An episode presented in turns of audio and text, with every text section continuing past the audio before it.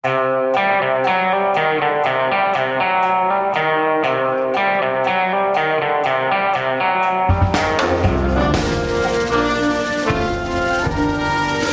amerikanske presidentvalget ble langt tettere enn mange hadde regnet med, og Trump ligger godt an til gjenvalg. Dette er Giæver og Skartveit tidlig en onsdagsmorgen. Ja, Hanne, ikke den valgnatten vi kanskje så for oss uh, for noen timer siden? Nei, i grunnen ikke. Uh, jeg har jo lenge hatt en følelse at det skulle bli Trump, og så våknet jeg i dag morges og kjente brått at nei, nå tror jeg jaggu meg at uh, Biden kan dra det i land, men sånn ser det ikke ut til å gå. Nei. Du er det perfekte omvendte barometer, du, rett og slett. rett og slett. Fordi Ja, nei, altså Sånn det ser ut nå Vi merket det i grunnen allerede på de første De hadde noen sånne valgdagsmålinger på CNN som gikk på hva velgerne hadde vært opptatt av. Mm. Og da var det en del sånne signaler, syns jeg, hvor, hvor, man sa liksom at nei, de var mer opptatt av at det skulle være en sterk leder enn en empatisk leder. Og koronahåndteringen var ikke så viktig som økonomien. Det var en del sånne ting som, som jeg tenkte at jøss, dette stemmer ikke med meningsmålingene jeg har lest så langt. Bare for å korrigere veldig når jeg sier i dag morges, så var det altså i går morges på selve tirsdagen, for nå er det jo natt her. Ja. Sånn at når folk hører Nemlig, dette jeg... på morgenen i dag, så har jeg ikke en følelse av at Biden vinner, bare for å ha presisert det. Jeg så du var på VGTV med, med magefølelsen din. Man skal, man skal, være forsiktig med disse magefølelsene. Ja. Men, men, eh, nå må vi også passe på at vi ikke lar magefølelsen da fullstendig eh, avgjøre valget. For nå, altså, nå, gjenstår de avgjørende statene nå. Det er eh, de tre som var avgjørende i 2016. Michigan, Wisconsin og Pennsylvania. Og Arizona. Det er egentlig det, den nye store jokeren i dette spillet. Der ligger Biden ganske godt an nå. Ja, Fox har jo nylig nå rett før vi satte seg, kalte jo Fox at nå har Biden vunnet Arizona. Ja, og det forandrer for Jeg har hele tiden drevet og sagt at dette, dette ble akkurat 2016 om igjen, men det forandrer litt uh, der. og det, uh, så, så, vi vet rett og slett ikke hva som kan skje, men det, det kommer til å bli veldig tett kommer til å bli veldig tett. Og det er disse, denne Blue Wall igjen og Pennsylvania igjen som, man, som de, begge kandidatene og deres visepresidentkandidater har holdt på med nå i dager og uker og besøk og har rallyer og møter og virkelig prøvd å vinne, alle sammen. Og Biden-kampanjen hadde en slags dobbeltstrategi. Det ene var eh, solbeltet, som var da Florida, hvor du er, og Texas, hvor jeg er, og, og Georgia. Det ser ikke ut til å lykkes. Jeg ser Fox har uh, Eh, Florida nå for, eh, for, Trump, og det tror jeg de kan gjøre ganske trygt. Ja, det har ligget an til lenge. Eh, ja, men, men, men, rent teknisk sett så må ikke Trump ha Nei, Biden har disse uh, statene for å slå Trump, men da kan han ikke skødde så veldig oppe i, uh, oppe i rustbeltet. Men la oss si at han taper at han taper Wisconsin, men vinner Arizona, da begynner vi å snakke liksom, eh, ja, at eh, valgkartet kan se litt eh, annerledes ut. Hvor lang tid tror du dette vil ta, Hanne? Nei, Hvis det står og henger på Pennsylvania, som det godt kan gjøre, så skal jo de i hvert fall telle stemmer fram til fredag. Eh, og hvis det fortsatt er uklart da, så kan du se for deg eh, rettssaker, søksmål, lang runde.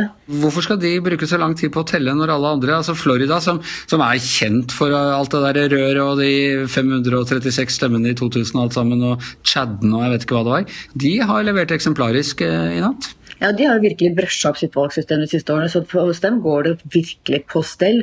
Men så er det også ulike regler i de ulike delstatene, og i Pennsylvania så er det sånn at de får ikke lov til å begynne å telle på, før på valgdagen. Selv om de har fått, Nå har de fått millioner, 2,5 millioner eller hva det er, forhåndsstemmer til Pennsylvania, som de da ikke får lov til å telle på forhånd. I, I Florida derimot så har de jo telt stemmer i tre uker eller noe sånt. Ja. Sånn at det er ulike regler som gjør at det er veldig ulik praksis i de forskjellige delstatene. Og det er jo det vi har sett gjennom hele natten. Altså, Biden har kommet ganske godt ut først. Blant annet her i Texas så var det liksom Han leda i uh, et par timer uh, i Texas fordi det er forhåndsstemmene, og det er demokratene som har forhåndsstemt. De er blitt oppfordret til å forhåndsstemme både av, for å liksom, sikre at stemmene kommer i hus, og at eh, pga. pandemien og alle sånne ting. Men så begynner man å telle de stemmene som er avgitt i dag i eh, valglokalene. Og da viser det seg altså at Trump igjen har klart en sånn voldsom mobilisering, hvis vi skal tro på meningsmålingene. Da. det, må jo være, det må jo være det som gjør at han har den der voldsomme eh, vinden i ryggen. Og Det er klart det er ganske utrolig når du vet at han for eh, kort tid siden var innlagt på sykehus for korona. Han er en mann på 74 år, overvektig med masse underliggende eh, helseplager. Og så har han altså reist land og strand rundt. Tre-fire svære rallyer hver dag. Flydd opp og ned. og eh, og han har mobilisert enormt. Det fortelles jo om også liksom, langt nord i kalde stater hvor folk har stått i kø opptil 14 timer for å komme inn til utendørsarrangementer. Kaldt og fælt. Eh, så det er klart at Han har mobilisert en, et engasjement og en begeistring blant sine kjernevelgere, som da tydeligvis har lønt seg for ham. Og da kan det altså hende, være litt forsiktig med å forskuttere, men det kan altså hende at nå går USA inn i en ny koronavinter med Donald Trump ved roret.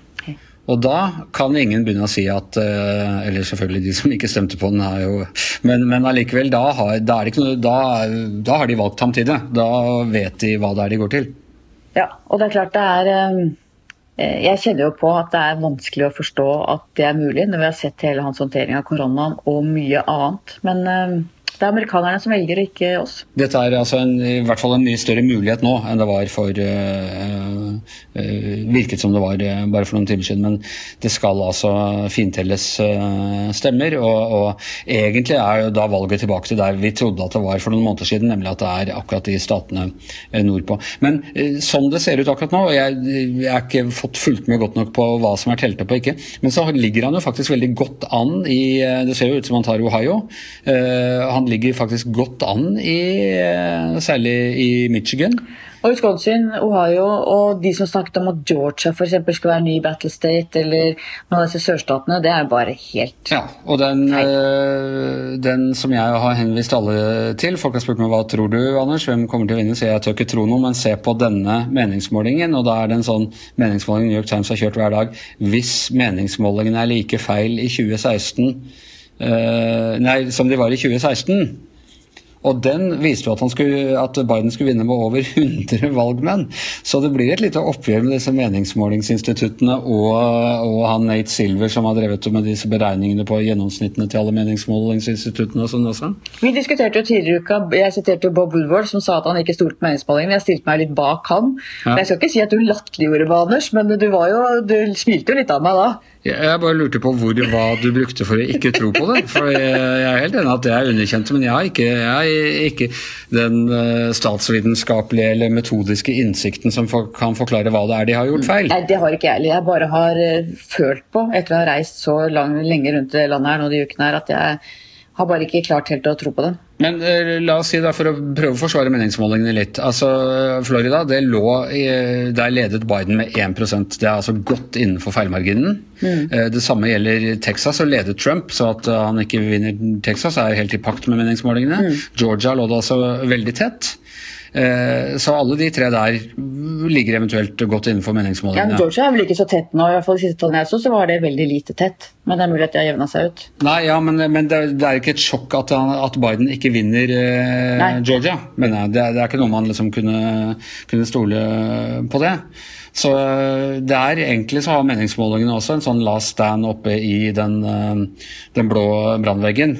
Eh, for å, for å, se eh, hvordan, eh, hvordan, det kommer ut. Men dette her, denne sannsynlighetsberegningen til, til 538, med at det liksom bare var 10% sjanse, den virker noe svekket, det må man jo kunne si. Ja, og Det var jo en stor runde etter forrige valg i 2016, hvordan kunne de bomme sånn? Og så har de jo nå forsikret oss om at nå har de lært og vektet og gjort ting annerledes. Men jeg vil jo tro at det kommer en ny diskusjon etter dette valget.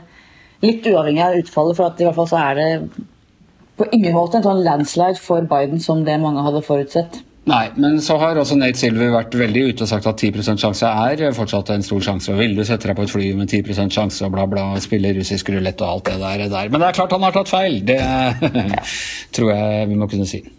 Eh, ok, eh, hva skjer nå, Hanne? Hva skal du? Eh, vi skal, jeg skal sove et par timer, tenker jeg. Og så skal vi grytidlig opp. Vi, Stig Øystein og Patrick og jeg vi er liksom VGTV-teamet her nede. Vi skal grytidlig opp og reise til Philadelphia i morgen. Vi antar at det er der det endelige slaget vil stå, med mindre ting blir helt avklart i løpet av natten. Og så skal vi bare Den historiske revolusjonsbyen eh, Philadelphia med The Liberty Bell og eh, den første regjeringen og i det hele tatt den første hovedstaden i USA.